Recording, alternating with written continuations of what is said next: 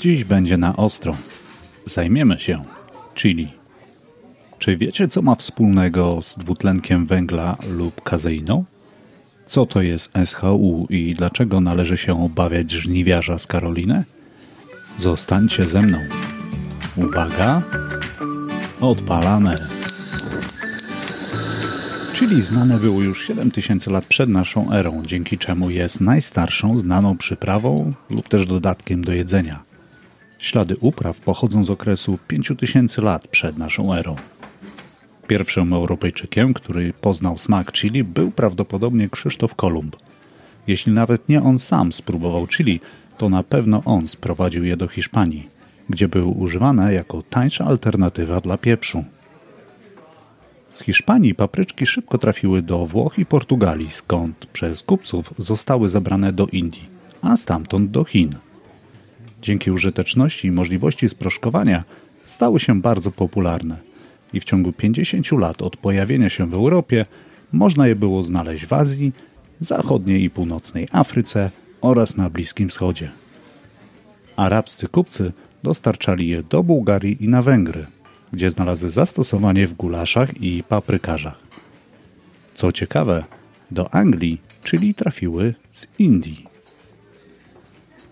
Obecnie największym producentem chili są Chiny, które produkują około 50% światowego zapotrzebowania. Na drugim miejscu jest ojczyzna ostrych papryczek Meksyk. Chili mogą być czerwone, żółte, pomarańczowe, zielone, fioletowe, a nawet czarne. Zazwyczaj mają wydłużony kształt i rozmiary od ziarenka grochu do nawet 45 cm, tak jak papryczka cayenne zapisana w Księdze Rekordów Guinnessa. Czyli tak naprawdę jest owocem bogatym w witaminę A i C. Witaminy C jest w niej więcej niż pomarańczy. Ludzie są jedynymi wszystkożercami na Ziemi, którzy jedzą chili. W XIX wieku problemem było ustalenie, z jaką odmianą chili miało się do czynienia. Pierwsze próby ustandaryzowania chili zostały podjęte w 1888 roku przez Fabiana Garcia, który wyodrębnił pięć podstawowych rodzajów. Jednak najbardziej znanym nazwiskiem kojarzonym z chili jest Scoville. Wilburn Scoville w 1912 roku, bardziej z powodów medycznych niż kulinarnych, przeprowadzał badania nad chili. Zastanawiał się, czy związki chemiczne zawarte w chili można wykorzystać jako środek przeciwdziałający bólowi. Co ciekawe, sposób ten miał działać na zasadzie aplikowania go w innym miejscu niż ośrodek bólu, w celu odwrócenia naszej uwagi. Aby określić, jak ostre jest chili, rozpuszczał je w wodzie do momentu, kiedy nie występowały żadne objawy pieczenia. W zależności od tego, ile razy musiał rozcieńczyć roztwór, zależała jego pozycja na skali zwanej Scoville Heat Unit, w skrócie SHU. I tak na przykład zwykła papryka ma 0 jednostek SHU. Sos tabasco w zależności od rodzaju od 2500 do 5000. Jalapeno dochodzi do 8000. Najostrzejszą papryczką chili jest żniwiarz z Karoliny. Na skali SHU osiąga, uwaga, 1 milion 641 183 jednostki. Podobno zapewnia niezapomniane doznania, ale osobiście chyba nie spróbuję. Dla porównania gaz pieprzowy ma 2 miliony SHU. Żniwiarz jest tak mocny, że troje badaczy z Chili Pepper Institute musiało używać czterech par lateksowych rękawiczek w czasie zbierania ich z krzaków. Coś takiego nie przydarzyło im się nigdy wcześniej. A co dokładnie sprawia, że chili jest tak ostre?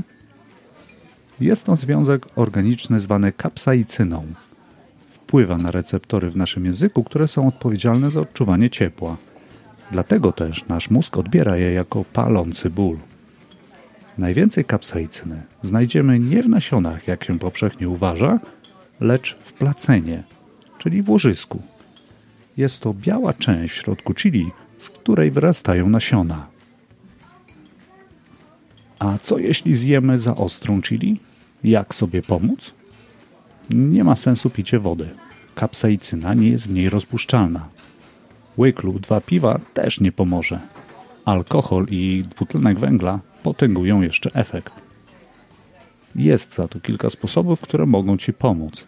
Na przykład kostka lodu. Niska temperatura może zdezorientować receptory na Twoim języku. Mięta również pomoże. Mentol zawarty w mięcie działa odwrotnie do kapsaicyny i uaktywnia sensory reagujące na niskie temperatury. Dla mnie osobiście najlepszym i sprawdzonym sposobem jest mleko, a jeszcze lepiej jogurt naturalny. Zawarty w nim tłuszcz i białko, dokładnie kazeina, rozpulczają i łączą się z kapsaicyną.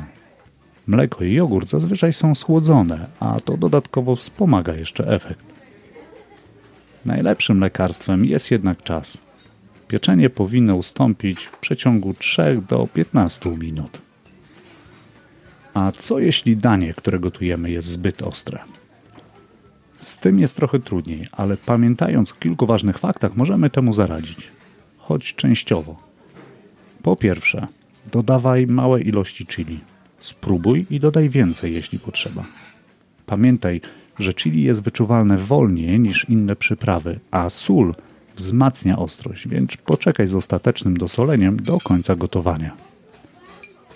Po drugie, możesz dodać więcej warzyw lub wody. Po trzecie, dodaj jogurt lub śmietanę. Oczywiście, jeśli będzie to pasowało do dania, które gotujesz. Do kary na przykład jogurt pasuje jak najbardziej.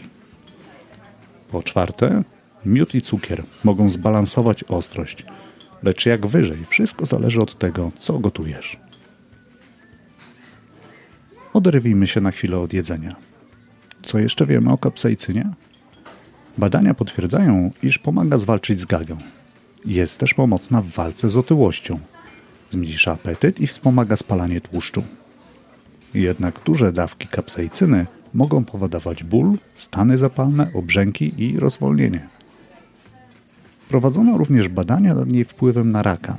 Niestety, wyniki nie wskazują jednoznacznie na jej pozytywne działanie. Ale z drugiej strony, brak również wyników, które by były jednoznacznie wskazujące na jej negatywny wpływ. Mówiąc o badaniach, muszę wspomnieć, iż chili jest jedyną przyprawą, która posiada dedykowane centrum badawcze. Wspomnieliśmy już o nim wcześniej. Nazywa się Chili Pepper Institute przy Uniwersytecie Stanowym w Nowym Meksyku. W Europie dodawanie syntetycznej kapsaicyny do produktów spożywczych jest zakazane. I jak zwykle przeszliśmy do najsmaczniejszej części podsmaku, czyli z czym to się je. Mam na dzisiaj kilka dla propozycji. Zaczniemy od czegoś małego, słodkiego. Co wy na to? Spróbujcie truskawek z sosem czekoladowym z dodatkiem chili. Aby jeszcze podkręcić truskawki, możecie je nasączyć likierem. Polecam do tego amaretto. Truskaweczki maczane w takim sosie będą niezapomnianym doznaniem. A czy próbowaliście kiedyś oliwek nadziewanych chili? Jak dla mnie są super. Zazwyczaj do nadzienia wykorzystywana jest odmiana pimento, która nie jest zbyt ostra, tylko 10 do 500 jednostek SHU. Natomiast do deski serów polecam Wam drzem lub jeśli ktoś woli chutney z chili. To jest naprawdę bomba. A tak na koniec. Informacja dla tych, którzy nie lubią chili. Osoby, które za nimi nie przepadają, po pewnym czasie zazwyczaj zmieniają zdanie. Jak zwykle materiały źródłowe, z których korzystałem przy przygotowaniu odcinka znajdziecie na stronie podcastu www.podsmak.pl. Znajdziecie mnie również na stronie podcastu na Facebooku i Instagramie. Oczywiście zapraszam Was na następny odcinek Podsmaku. Nie zapomnijcie również zasubskrybować i do usłyszenia.